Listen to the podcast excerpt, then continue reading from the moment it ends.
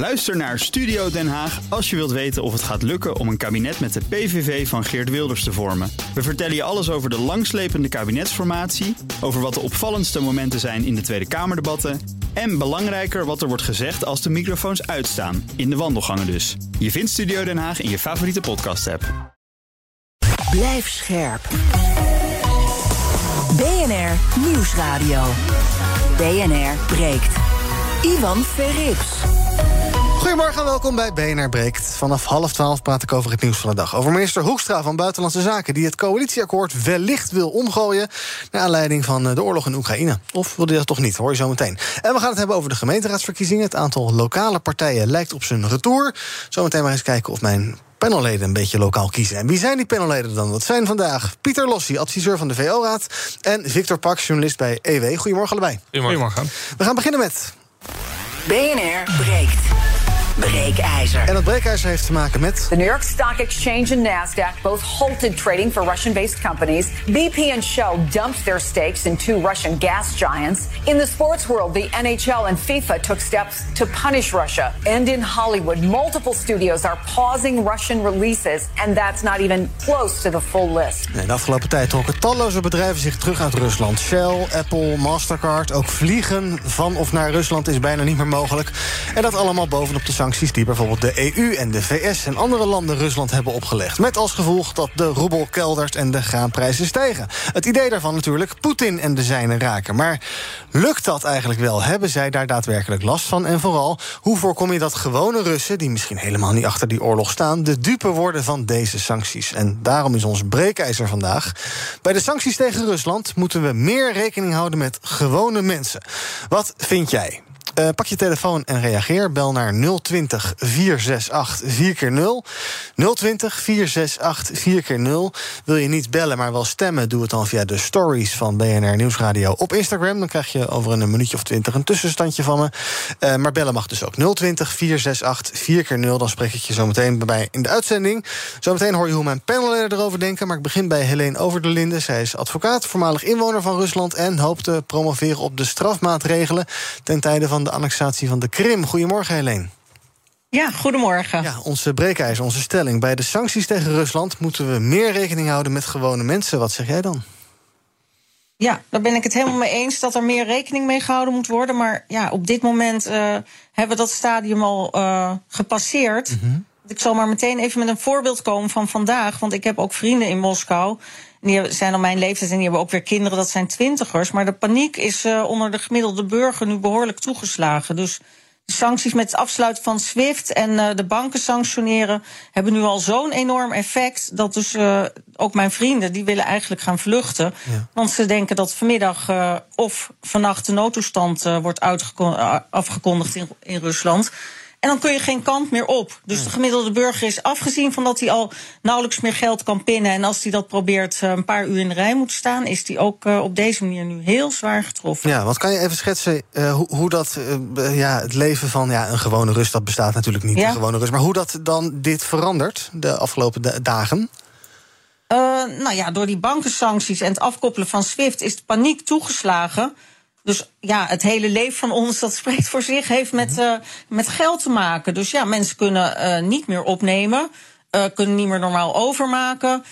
Uh, hebben onzekerheid of ze hun hypotheek nog kunnen betalen. Want we hebben het overal gehoord dat die rente van 9 naar 20 procent is gegaan. Dus totale onzekerheid. Nou, iedereen begrijpt dat ja, wanneer je geen geld hebt of weet dat uh, morgen je bankrekening niet meer toegankelijk is of de roebel helemaal in elkaar stort, ja, dan heb je geen leven meer. Dus ja. dat is uh, al een direct effect. En ook in de winkels beginnen ze te merken. Er is nog voldoende voorraad, maar toch beginnen schappen af en toe al leeg te raken. Dus dat gaat er ook aankomen. Russen ja, uh, kunnen niet meer normaal uh, exporteren. Wij ook niet. Dus uh, ja, de import-export komt gewoon ook langzaam maar zeker stil te liggen. Dus ik ga gaat nu al heel snel heel verstrekkende gevolgen. Ik ga een rondje panel doen, dan kom ik zo meteen bij je terug. Dan gaan we dit even verder uitdiepen. Ja, okay. Pieter, onze breekijzer. Bij de sancties tegen Rusland moeten we meer rekening houden met gewone mensen. Ja, volledig mee eens. En ik ben blij dat, uh, dat dit uh, punt uh, hier in dit programma ook belicht wordt. als Rusland een perfecte democratie zou zijn, dan zou je nog kunnen stellen dat het misschien effectief zou zijn hè, om de gewone Russische man te raken. Waardoor ze anders gaan stemmen, hun partijleider gaan aanspreken en daardoor misschien andere politieke keuzes worden gemaakt. We weten natuurlijk dat Rusland verre van een perfecte democratie is. Ja. en het gevaar, denk ik, bestaat dat als je dit aandoet uh, richting die Russische burgers, zij ook het gevoel hebben dat ze slachtoffer worden. En zij voelen dat zij slachtoffer worden door sancties uit het Westen. Uh, het is dus hier dan weer het Westen die foute dingen doet. Wat mogelijk zou kunnen betekenen uh, dat daardoor burgers die oorlog tegen Oekraïne zouden kunnen legitimeren. Ja. Wat je voor mij juist zou moeten willen doen, is terugkijken naar de mechanismes achter het Marshallplan. waar de Verenigde Staten na de Tweede Wereldoorlog ook heeft gezegd: in plaats van dat we al die gewone burgers, ook in bijvoorbeeld Duitsland, die deels slachtoffer zijn geworden van het toen heersende regime, gaan aanvallen ja. en, en hun hypotheken inderdaad nou, vermoedelijken, gaan we juist ervoor zorgen dat ze er weer bovenop komen. Dat ze welvarend worden. Dat ze de, de kracht zien van uh, het democratisch en vrije uh, monetaire en bestuurssysteem. zoals mm -hmm. we dat in het Westen hebben opgebouwd. Ja, dus meer het goede steunen dan het slechte afstraffen. Precies. Ja, Oké, dat ga ik zo meteen aan Helene voorleggen of dat een realistisch beeld is of dat dat een utopie -hmm. zal zijn. Victor, wat vind jij? Het vergt een zeker lef dat als het bloed van de Oekraïners nog niet eens gestopt is met vloeien, de oorlogsmisdaden van Vladimir Poetin pas zijn begonnen los te barsten over Oekraïne. Om dan te spreken dat deze sancties Rusland hard treffen, ik vind het echt walgelijk. Bovendien gaat het erom dat dit een democratisch soeverein land is. Dat wordt aangevallen. Als wij als ander democratisch soeverein land geen moeite hebben om dan de, de schuldige, de aanvaller, te bestraffen, wetende dat dat ook de inwoners van het land zal raken dan waar zijn we nou mee bezig? Maar de vraag is dus, kijk, de inwoners die zijn natuurlijk niet. Uh, uh, dit is Poetins plan. En als jij een uh, gemiddelde Rus bent, wat dat ook mogen zijn, ja, dan sta je er misschien helemaal niet achter. Of wel, of niet. Maar moet iedereen daar dan voor, voor bloeden? Is dat een soort nevenschade dan van die. Wij gaan hier ook voor bloeden. Mm -hmm. De gewone Nederlander, de man, vrouw op straat, die zal dit ook gaan merken. Die merkt dat nu al aan de benzinepomp. Wij zullen ook die kosten moeten dragen van een oorlog die een ander begonnen is.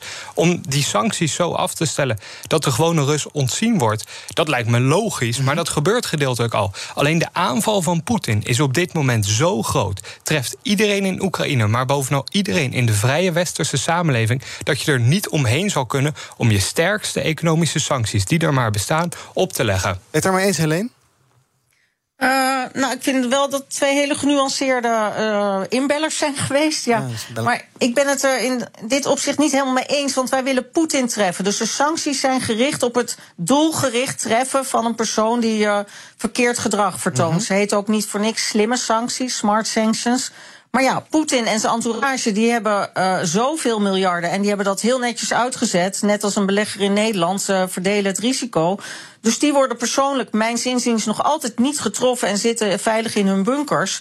En wat gebeurt er nu met die financiële sancties die eigenlijk bedoeld waren om Poetin tot ander gedrag te te bewegen. Nou, die hebben nu dus hun doel getroffen op de gemiddelde burger. En ik heb dus vanochtend uh, een goede vriendin en haar dochter aan de lijn gehad. En die zijn allebei in paniek. En dat zijn hele rustige mensen met een hele goede baan en werken op de universiteit. Maar ze zijn gewoon in paniek omdat dit gaat zo escaleren nu. Straks, wat ik al zei, is er geen geld meer te pinnen. Mm -hmm. Worden misschien ook de mensen die uh, pro-EU en westers zijn, want deze mensen ook, die hebben zich al uitgelaten over de oorlog in Oekraïne, dat dat walgelijk is en dat Poetin moet stoppen. Dus straks krijgen dat grenzen dichtgaan. En dan wordt juist deze groep van de Russische bevolking, die democratisch is ingesteld, wordt, uh, wordt daar de dupe van. Dus ik vind het eerlijk gezegd nu te ver gaan. Gaan we wat je bellers doen. Kijken wat zij vinden. Ons breekijzer mm -hmm. is. Bij de sancties tegen Rusland moeten we meer rekening houden met gewone mensen. Wil je ook reageren? Pak je telefoon. Bel naar 020 468 4 keer 0 Patrick, goedemorgen.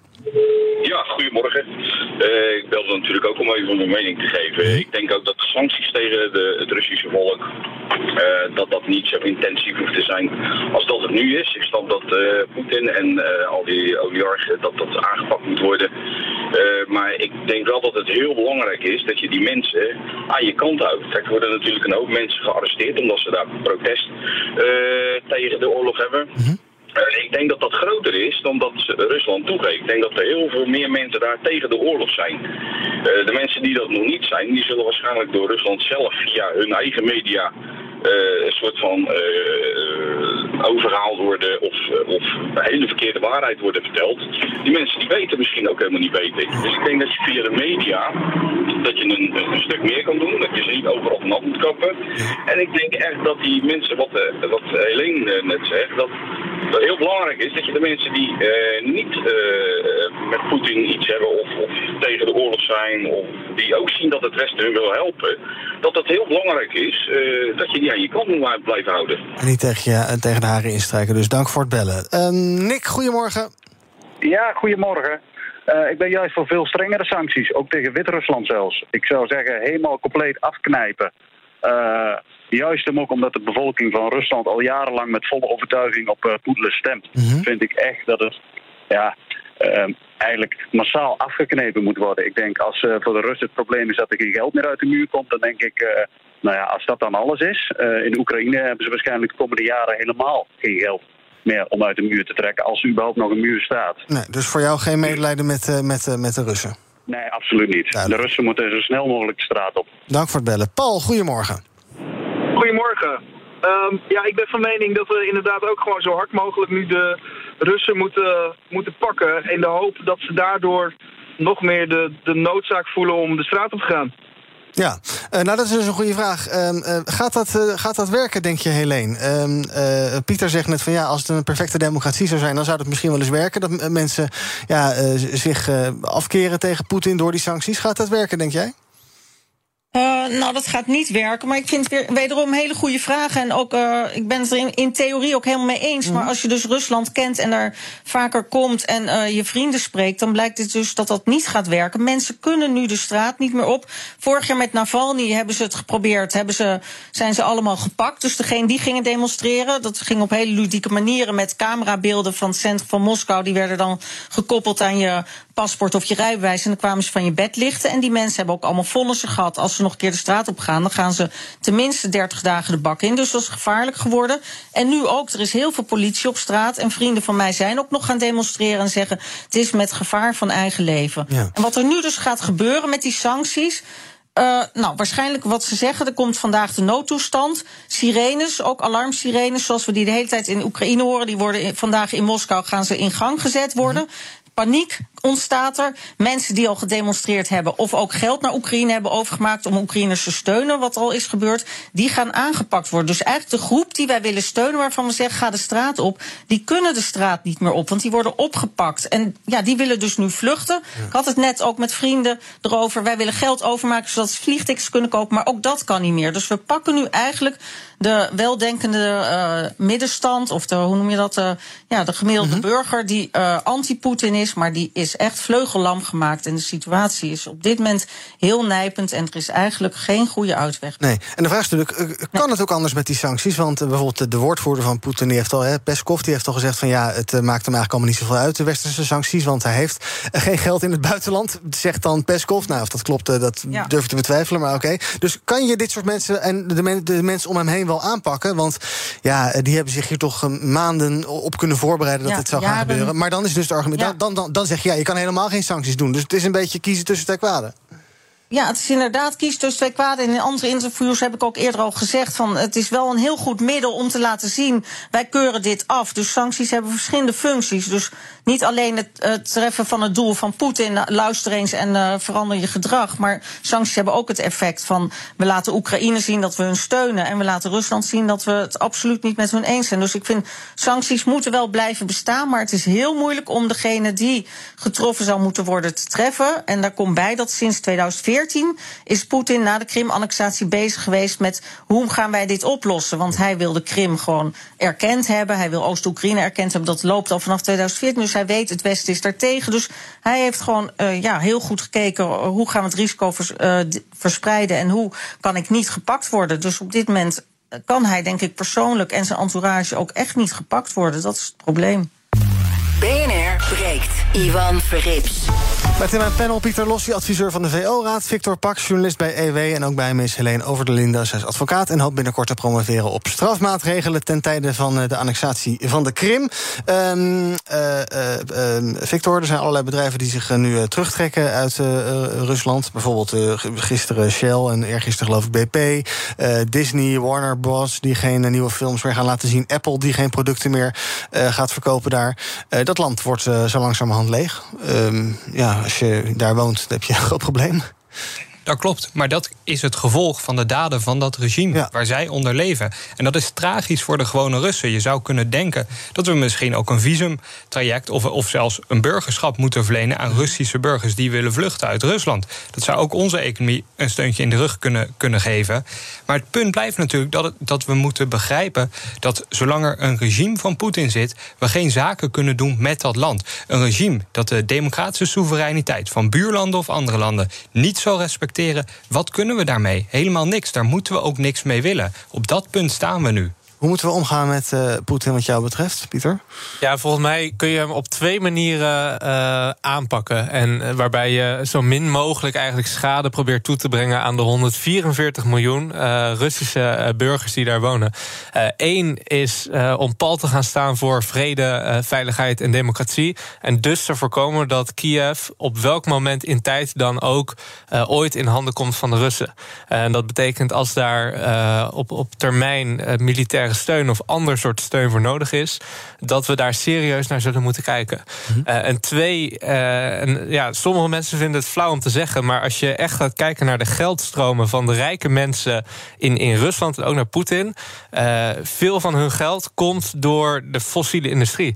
Willen we als Europa één geen zaken meer hoeven doen met, met Rusland. En twee, die rijke mensen daar in hun inkomensmodel raken, zullen we heel veel sneller nog die energietransitie in gang moeten zetten. Zullen we op korte termijn moeten heroverwegen of we bijvoorbeeld uh, kerncentrales, die bijvoorbeeld in Duitsland gesloten zouden worden, of we die nu uh, moeten willen sluiten. Mhm. En zullen we kijken of er, uh, net als de 100 miljard die in Duitsland nu wordt vrijgemaakt voor defensie, ook een extra miljardenpakket vrijgemaakt kan worden voor een versnelling van die energietransitie. Om die onafhankelijkheid te bevorderen en dat verdienmodel van die rijke oligarchen af te pakken. Maar is je punt nu dus dat we de gewone Rus zoveel mogelijk moeten ontzien met economische sancties, maar dat als het punt is dat Kiev wordt ingenomen, wat steeds dichterbij komt, we daar wel moeten vechten tegen de Russen, wat in principe dus een, een, in ieder geval een grootschalige Europese oorlog, mogelijk een derde wereldoorlog ontketent? je zult, uh, de vraag is natuurlijk of je met al je NAVO-troepen op Kiev moet gaan zitten. En of dat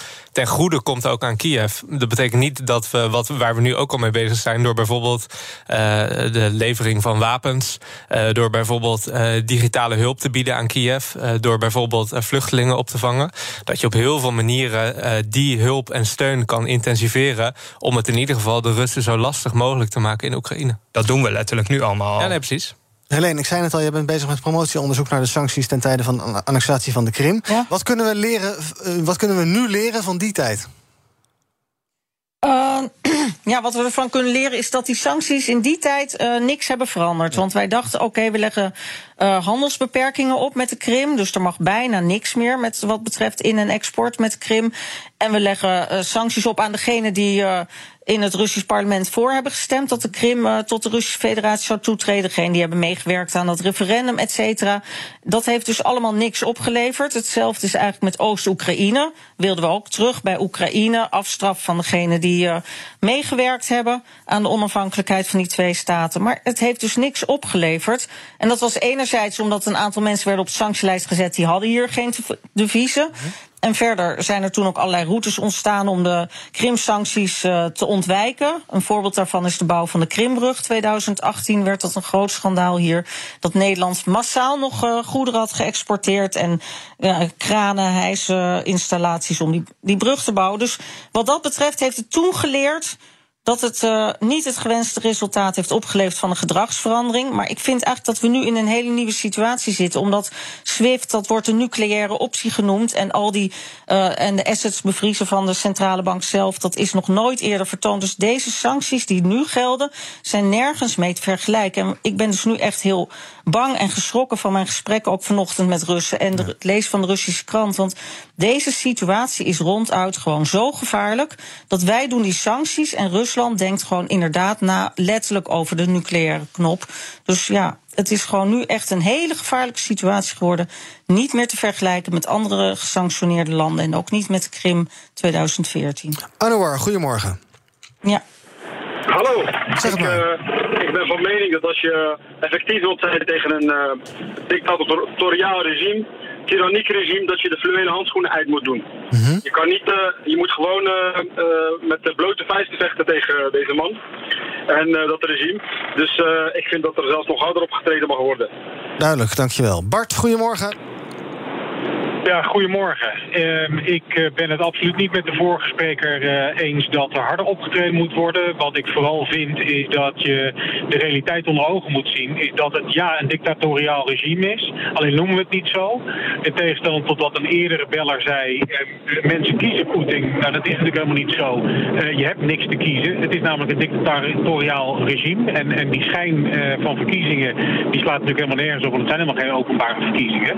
Dus ik ben het eens met de sancties die er op dit moment zijn. Ik ben het ook eens met Helene dat dat de bevolking heel erg raakt. Ik denk dat je alleen dat je geen andere keuze hebt. Want op dit moment kun je of kiezen om keihard oorlog te gaan voeren tegen Poetin. Je moet die sancties doen om, om hem te raken. En de hoop is, in combinatie met propaganda vanuit het Westen, dat de uh, Russische bevolking uh, de ogen gaat openen en zo zat is, dat het eigen volk tegen hem gaat keren.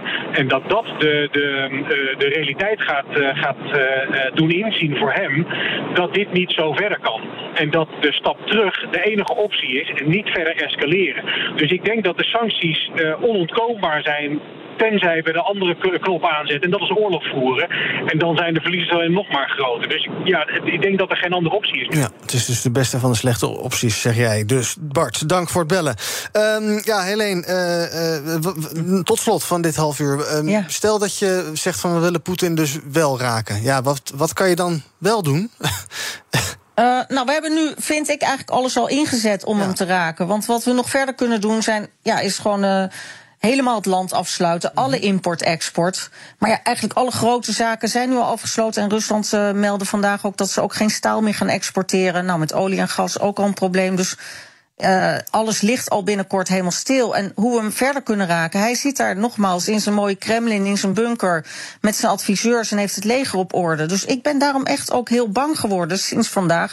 dat we hier niet uit gaan komen. En meer sancties gaat niet helpen. Nee. Dus er moet gewoon gepraat worden, hoe erg het ook is om met een dictator aan tafel te gaan zitten. Maar hij heeft die nucleaire knop letterlijk in de uh, staat van paraatheid gezet. En ik lees net dat Lavrov serieus zegt: dit gaat naar een derde wereldoorlog. En dan uh, zullen wij alles inzetten wat mogelijk, waaronder ook nucleaire middelen. Dus het is heel gevaarlijk.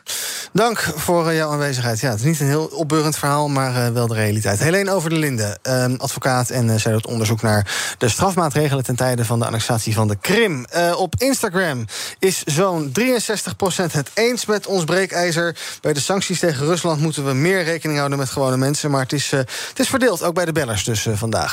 Uh, we gaan zien hoe het uh, verder loopt. En we blijven dat uiteraard hier volgen op BNR. Mocht er nieuws zijn, dan hoor je dat uiteraard de hele dag hier. Zometeen gaan we verder praten in het uh, tweede half uur van BNR Breekt over al het andere nieuws van vandaag. Bijvoorbeeld over minister Hoekstra. de CDA-leider die gaf een interview bij de Telegraaf. En zegt dat ja, geopolitiek houdt zich niet aan het Nederlandse coalitieakkoord. En dus sluit hij niet uit dat we daar dingen in moeten gaan aanpassen. We gaan praten over de gemeenteraadsverkiezingen. Die zijn over precies twee weken. Daar doen minder lokale partijen aan mee dan voorheen. Tenminste in de grote steden en een Hollywood-waardig campagnefilmpje van de VVD in Rotterdam. Is dat gewoon lekker stoer of is dat uh, geldverspillerij? Zometeen in BNR Breek. Tot zo. Ook Bas van Werven vind je in de BNR-app. Ja, je kunt live naar mij en Iwan luisteren tijdens de ochtendspits. Je krijgt een melding van Breaking News. En niet alleen onze podcast Ochtendnieuws, maar alle BNR-podcasts vind je in de app. Download nu de gratis BNR-app en blijf scherp. Scherp. BNR Nieuwsradio. BNR breekt. Ivan Verrips. Welkom terug in mijn panel vandaag. Victor Pak, journalist bij EW... en Pieter Lossi, adviseur van de VO-raad. En we gaan praten over het nieuws van de dag. Dat begint dan toch weer in Oekraïne nog steeds... en ook de gevolgen voor ons land. Bijvoorbeeld in de Telegraaf vandaag. Daar zei Wopke Hoekstra, leider van het CDA... dat het eh, coalitieakkoord misschien aangepast moet worden... om aan te sluiten op de situatie in Oekraïne. Quoteje uit het interview. Hij zegt de wereld staat op zijn kop. Geopolitiek houdt zich niet aan het Nederlandse coalitieakkoord. En het zou dan waarschijnlijk vooral gaan om het verhogen van het defensiebudget... in navolging van wat de Duitsland uh, gedaan heeft. Um, ja, een coalitieakkoord, dat kan je denk ik niet veranderen als het coalitieakkoord al getekend is. Maar het, is, het kan wel. Um, het is natuurlijk wel vaker gebeurd dat het achterhaald is na een Precies. tijdje. We hebben dat natuurlijk ook uh, bijvoorbeeld deels gezien bij het uh, kinderpardon mm -hmm. in de vorige regeerperiode. Uh, waar ook een doorbraak in het uh, coalitieakkoord mogelijk bleek te zijn. Volgens mij is het heel goed om je plannen te blijven monitoren aan wat er in de wereld gebeurt. Dus goed plan. Ja, maar is het dan echt het coalitieakkoord aanpa aanpassen? Of zeg je nou, we gaan het, uh, we gaan het even anders doen? Met, ja, je zult met wat potjes moeten schuiven. Ja. Maar het, het uh, overstijgende verhaal zal hetzelfde blijven. Ja. Zouden we dat inderdaad moeten doen? Uh, moeten we toch maar eens anders gaan kijken naar dat document van eigenlijk nog maar een paar maanden geleden. Waarbij het nog allemaal geweldig leek. Met heel veel geld tegen wat we allemaal konden lenen voor niks. En, ja, nu ja, natuurlijk. De hele wereld verandert. Het is heel logisch dat je het aanpast. En vooral, het zou toch heel fijn zijn als we eindelijk eens de les leren dat we ons aan die NAVO-norm moeten houden. Mm -hmm. Wat Duitsland doet is natuurlijk een fantastisch voorbeeld. Wij moeten dat per direct volgen. En dat hadden we eigenlijk al tien jaar terug moeten doen. Maar dan wil niemand het. En nu is eindelijk de politiek wakker. Ja, uh, en dat zouden ze ook dit jaar gewoon moeten doen. Zoals ja, Duitsland natuurlijk, per direct. Ja. Um, ja, ik zei het al, aan het begin van het kabinet leek het allemaal geweldig. Hè? We gingen heel veel lenen en daar amper voor betalen. Maar inmiddels zitten we dus in een oorlog. Hebben we enorme inflatie nog steeds. Torenhoge energieprijzen. Nou, lekker dan. Ja, klopt. Ja. Uh, dat uh, is wat dat betreft uh, voor coalitie Rutte 4 niet de meest gewenste situatie, kan ik me voorstellen. Mm -hmm. Wat we natuurlijk wel moeten realiseren is dat we eigenlijk best wel een meevaller hebben wat betreft de coronacrisis. dat had heel veel erger kunnen zijn en we hadden nu nog allemaal in lockdown kunnen zitten. Maar door die Omicron-variant blijkt het gelukkig allemaal redelijk mild te zijn. Ja. Uh, dus dat komt weer uh, in hun voordeel. Ja, ik hoop dat uh, deze mensen voldoende vooruit blijven kijken. Want heel veel van deze crisissen zagen we niet aankomen. Hetzelfde geldt voor de coronacrisissen. als we hier over een jaar weer bij BNR Breekt zitten... dan zullen we hoogstwaarschijnlijk weer over andere crisissen praten. Oh, ja. Dus hoe meer preventie, hoe beter. Um, dus goed om te blijven monitoren en te blijven kijken naar wat er in de toekomst mogelijk qua gevaar kan komen. Hoor je nooit, nooit meer iemand over, over corona de afgelopen dagen? Lekker rustig, dat is toch wel weer fijn. Um, is er denk je steun in de Kamer om uh, de defensieuitgaven op korte termijn fors te gaan verhogen? Viel me best tegen als je kijkt naar het Kamerdebat afgelopen maandag. Als je dat afzet tegenover het Duitse uh, debat in, in, hun, uh, in de Bondsdag dan. Uh, niet in de Tweede Kamer, maar in de Bondsdag. Dan is dat een heel andere toonvoering. En vooral ook minister van Defensie Ollongren die zei... ja, ik moet het er nog even bij pakken en narekenen. En dan denk ik, wat is er na te rekenen? Die 2%-norm is heel Mhm. duidelijk. En dan weet je hoeveel geld er naartoe moet. En natuurlijk zijn er personeelstekorten en dergelijke. Maar het is een afspraak die we al decennia hebben beloofd. Nu is het tijd om die echt waar te maken. Hoekstra zegt in het Telegraaf-interview ook nog iets over afhankelijkheid die we hebben van Rusland. Bijvoorbeeld natuurlijk op het gebied van gas. Daar is het, wel, daar is het weer. Hij wil er wel vanaf, maar doet het dan liever met heel Europa tegelijk. Um, in, ondertussen zegt uh, oud-Shell-topman Jeroen van der Veer vanochtend in NRC... van nou, uh, we moeten ook niet helemaal van het gas af van Russisch gas... want dat kan eigenlijk helemaal niet. Uh, wat vinden jullie? Is het tijd om daar inderdaad... nou, ik denk dat ik wel weet wat jij ervan vindt... om daar gewoon snoeihard mee door te snijden... en dan maar inderdaad... Op, op, dit moment kan je er niet volledig vanaf. Mm -hmm. Natuurlijk, kijk, je hebt Noorwegen, maar die zitten op maximale capaciteit. En je hebt Qatar. Qatar kan 15% van hun capaciteit ombuigen naar Europa. Er zal enig verband met Russisch gas moeten zijn. Maar het doel is natuurlijk om zo snel mogelijk afhankelijk te worden van dat land. Onafhankelijk. Onafhankelijk, ja. ja. Precies. Eens? Ja, uh, zeker, tuurlijk. En wat dat betreft is het vergelijkbaar met die 2%-norm. Want we horen natuurlijk iedereen nu over die 2%-norm. En logisch dat het daarover gaat. Mm -hmm. Maar we hebben ook al heel lang uh, normen in Nederland over het percentage hernieuwbare energie. Uh, en dat lukt al jaren niet door de Nederlandse staat om uh, tot dat percentage te komen. Dus dan zou ik zeggen, als we het over die 2%-norm hebben, mm -hmm. voor de NAVO, dan moeten we ook gaan kijken naar die procentnorm van hernieuwbare energie. En moeten we constateren dat als we eerder stappen stappen hadden gezet uh, voor het behalen van die norm, dat we nu mogelijk in een betere situatie tegenover uh, Rusland zaten wat betreft onafhankelijkheid van hen. Ja, dus ik schrijf even op 2% NAVO en 0% Russisch gas. Zijn we er dan zo'n beetje? Idealiter wel. Idealiter ja. wel, oké. We gaan even praten over ander nieuws. Over de gemeenteraadsverkiezingen. Over exact twee weken. Bruist het bij jullie ook al dat je naar de stembus mag? Dat je denkt van, oh, campagne op straat en het leeft en... Totaal niet. Het is jammer, want politiek is mooi en campagnes zijn vaak heel leuk om te volgen. Mhm. Deze week hebben we in EW ook 31 vragen over die gemeenteraadsverkiezingen. Gaat lezen. Maar het valt me tegen hoe erg het leeft, inderdaad. Ook de politiek zelf. En ja, Oekraïne helpt dan niet mee. Maar juist als je nu beseft dat er in een ander democratisch land een oorlog woedt, is het des te mooier dat wij over twee weken wel naar de stembus kunnen en onze mening daarmee laten horen. Het aantal lokale partijen dat meedoet aan die verkiezingen in grote steden is flink gedaald, schrijft het Algemeen Dagblad deze ochtend. In de tien grootste gemeenten van het land is een derde van de lijst lokaal. En een jaar of uh, acht geleden was dat nog uh, meer dan de helft. Landelijk is er dan weer juist een stijging in het aantal lokale partijen. Gaat nu om zo'n 4 op de 10. Maar uh, ja, in grote steden dus minder lokale partijen. Is dat nou eigenlijk jammer dat er minder... Van, want de lokale partijen, daar zit toch altijd een beetje iets kneuterig aan. Dat zijn altijd mensen die zetten zich in voor, ja, voor hun dorp of voor hun stad. En dat zijn niet mensen die, die uit de VVD voortkomen of uit het CDA. Dat is toch altijd... Het, het, heeft, het heeft altijd wel wat. Ja, dat, dat is zeker jammer. Vooral omdat we natuurlijk al langer last hebben van die kloof tussen stad en platteland. En naast dat zo'n partij in een lokaal bestuur, uh, wat voortkomt uit een nationale partij, enerzijds zorgt voor nou, een bestuurdersgeheel, wat maakt dat zo'n stad bijvoorbeeld bestuurd kan worden, mhm. zorgt het ook vaak juist andersom dat er bijvoorbeeld mensen gescout worden richting de nationale politiek. En dat mensen binnen zo'n stad actief worden. Als je ziet dat, het, dat de verhouding lokaal steeds meer naar echt lokale partijen gaat en stedelijk gezien steeds meer naar nationale partijen, dan ga je waarschijnlijk ook zien dat veel meer van de mensen die uiteindelijk ook nationaal terechtkomen, uh, maar ook de mensen die zich actief bemoeien en zich bezighouden in hun dagelijks leven met die politiek, veel meer uit die steden komen dan mhm. vanuit eh, de regiogebieden. En dat die kloof dus eigenlijk alleen maar op lange termijn hierdoor groter wordt. En ik snap het wel, want de, uh, het aantal partijen dat meedoet in steden is natuurlijk ontzettend groot. En komt daar dan nog maar als lokale partij tussen. Ja. Uh, maar ik denk niet per se dat het een, uh, ja, een prettig, prettige situatie is, prettige ontwikkeling. Ja, maar de mooiste, de mooiste combi zou dus zijn als je in een gemeenteraad een deel landelijk hebt en een deel lokaal, hoort jou. Precies. Ja. Ehm, AD schrijft dus, ja, uh, die, die, die landelijke partijen... die kunnen waarschijnlijk wel makkelijker aansluiting vinden bij stemmers. Want ja, we weten wel ongeveer waar uh, VVD en de PvdA voor staan. Maar lokale partijen, daarvan zou je denken... ja, die hebben veel meer voeling bij wat lokaal leeft. Wat ga je, nou, je hoeft niet te zeggen wat je zelf gaat stemmen... maar ga je, ga je stemmen op een, op een lokale partij... of ga je op een, op een landelijke partij stemmen? En denk je daar bewust over na? Ik moet alle verkiezingsprogramma's nog lezen van de partijen die verkiesbaar zijn. en als twee weken dus. Ja, precies. Nou, dat moet genoeg zijn. Maar pas als ik die gelezen heb, min of meer... en op de punten die ik belangrijk vind... Mhm. dan ga ik mijn oordeel vormen. En of dat nou een lokale of landelijke partij is... maakt in principe niet heel veel uit. Het is een illusie om te denken dat landelijke partijen... met het beleid wat ze landelijk willen voeren... ook direct overeenkomen met wat er op lokaal niveau mhm. speelt. Je hoort juist heel vaak gemeenteraadsleden die van een landelijke partij zijn...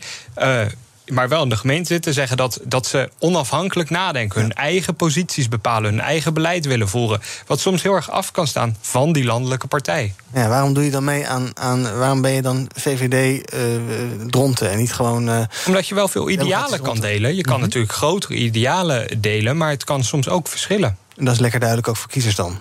Ja, het is de taak van de politicus om dat aan de kiezer duidelijk te maken. En waarom zij voor Dronten in dit geval het betere plan hebben. Nou, ik moet wel zeggen, ik ken toevallig uh, een uh, studiegenoot... en die staat op de lijst van de VVD Dronten. Mm -hmm. oh. Dus leuk dat je dat aanhaalt. En uh, nou, ik moet wel zeggen dat, dat hij wel laat zien... dat hij onafhankelijk kan denken... en dat hij ook wel echt veel in de buurt komt en met mensen spreekt. Dus mijn misschien iets te veel nou, gecommuniceerde vooroordeel... dat die lokale partijen loopjongetjes van de nationale partijen zijn... is ook heel erg afhankelijk van de mensen mensen die actief zijn binnen zo'n lokale partij. Ja, hoe heet die? Uh, Erik Sjoers. Nummer hoeveel op de lijst? Weet ja, dit, nou, ik denk drie. nummer drie op de lijst VVD rond. En uh, stemtip voor over twee weken. Ik ken hem verder niet, ik heb ook geen uh, belangen erbij. dan nog even naar die grote partijen. We zaten vanochtend een beetje op de sociale media, want dat doen wij. Want ja, wat moet je anders doen op zo'n ochtend? En daar keken we, dachten we even naar een trailer van The Batman. Ik hou van deze stad. Ik woon hier al sinds 2005. Problemen zijn er om op te lossen.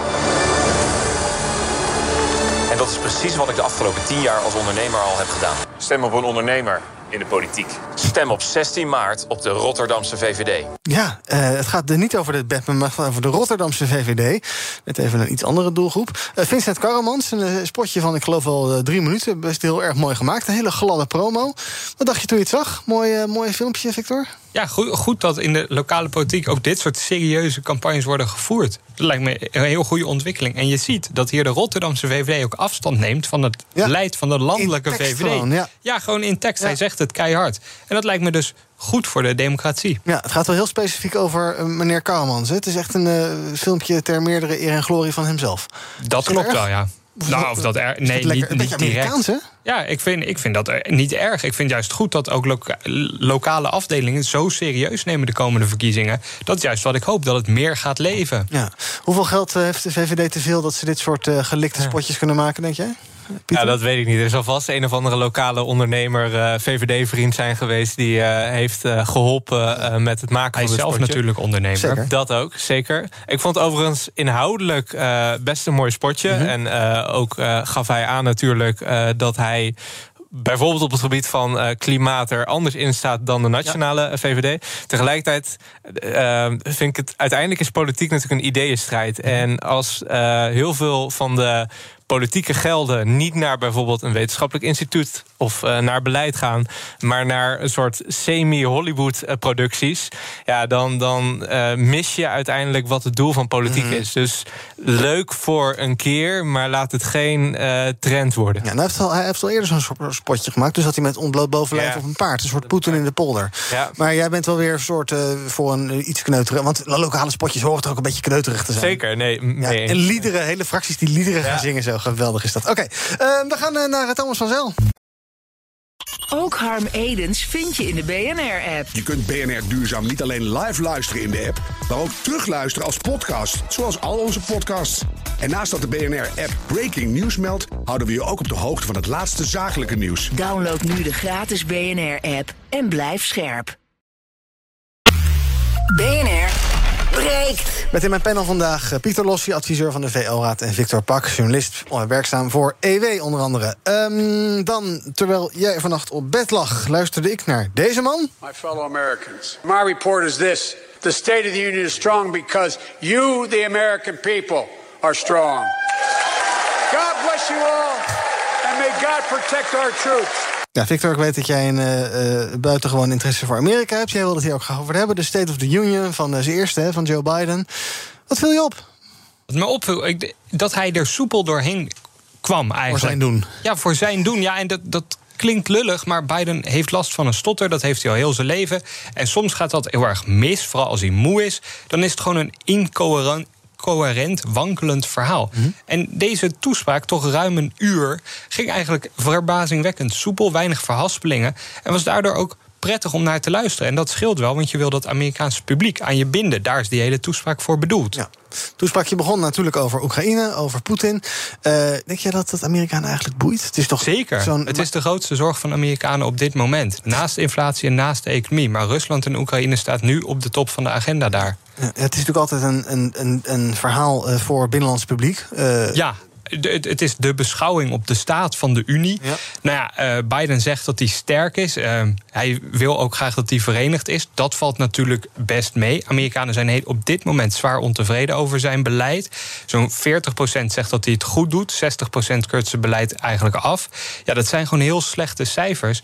En dat komt ook omdat hij weinig concreet politiek succes heeft. In die State of the Union ratelt hij een aantal zaken op die, die iedereen die daar zit, en dat is dus de, het Verenigde Parlement, Senaat en het Huis van Afgevaardigden, luid applaus, applaus. Maar er doorheen krijgen, wetten aangenomen mm-hmm. krijgen, dat lukt maar steeds niet. Ja. Terwijl die op dit moment, en het zijn er nog maar acht maanden tot de tussentijdse verkiezingen, heeft hij die meerderheid in Senaat en Huis van Afgevaardigden. Als het nu niet lukt, gaat het daarna veel moeilijker worden. Ja, ja het was natuurlijk inderdaad wel een beetje de goed nieuws show, maar dat hoort altijd bij zo'n toespraak. Dat hoort er ook bij, ja. ja. Uh, wat viel inhoudelijk daaraan op? Uh, verder nog? Nou, ik, het is denk ik heel tekenend dat, dat Biden echt, echt luid opriep tot fund the police. Mhm. Dus niet defund the police, wat toch progressieve democraten eigenlijk al twee jaar om vragen. Maar echt steek meer geld in de politie. En dat komt omdat er een ontzettende geweldsgolf in Amerikaanse steden zich afspeelt. En Biden die heeft nooit iets gezien in het, in het wegbezuinigen van politiekorps. Hij wil juist meer investeringen. En hij zei dat nu ook luid en duidelijk. En dat leverde natuurlijk ook applaus op van republikeinen die daar ook zitten. Ja, die, die de democraten hier altijd om afvallen. Er is nog wat verstoring, geloof ik, toch? Van, eh, eh, Ja, toen het over Afghanistan ging, over, eh, dat was een congreslid uit Colorado die, die er doorheen ging schreeuwen. Dat is eigenlijk ongepast. Het Ja. komt wel eens vaker voor, maar het hoort niet. Hoogtepunt, heb je live gekeken of heb je vanochtend even gekeken? Ik heb het vanochtend teruggekeken. Het is zo druk om, om dat live te volgen, moet ik mezelf niet aandoen. maar het was wel ja, een hoogtepunt.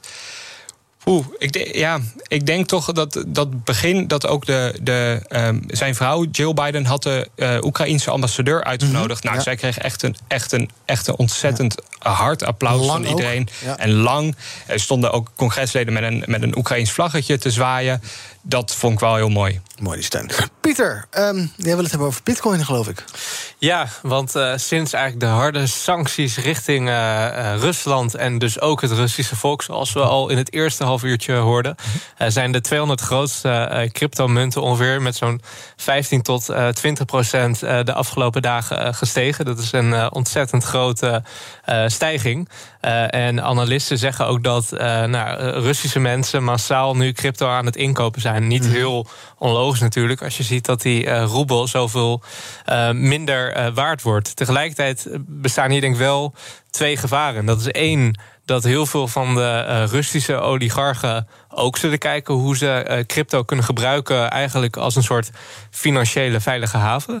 En we weten natuurlijk al dat langer een probleem van crypto is dat het natuurlijk geanonimiseerd is en eh, dat het niet discrimineert. Maar dat maakt ook dat de, de criminelen, de, de oligarchen, de, de oorlogsmisdadigers potentieel ook gebruik zouden kunnen maken van dit middel. En dat we dus mogelijk in de toekomst minder effectief en doelmatig economische sancties kunnen treffen. Omdat zij dus eh, die cryptomarkt als veilige haven hebben. En het tweede gevaar is natuurlijk dat heel veel van de eh, Russen eh, nu natuurlijk instappen op crypto. maar uiteindelijk geconfronteerd zullen worden met de volatiliteit van crypto. En Ja. deels ook de manipulatie die plaatsvindt in de gehele cryptomarkt. en, en we zullen volgens mij toch moeten nadenken hoe we ehm, eh, met onder andere de sancties die we nemen, niet het totale eh, wereldwijde eh, monetaire systeem voor te veel mensen eh, delegitimeren.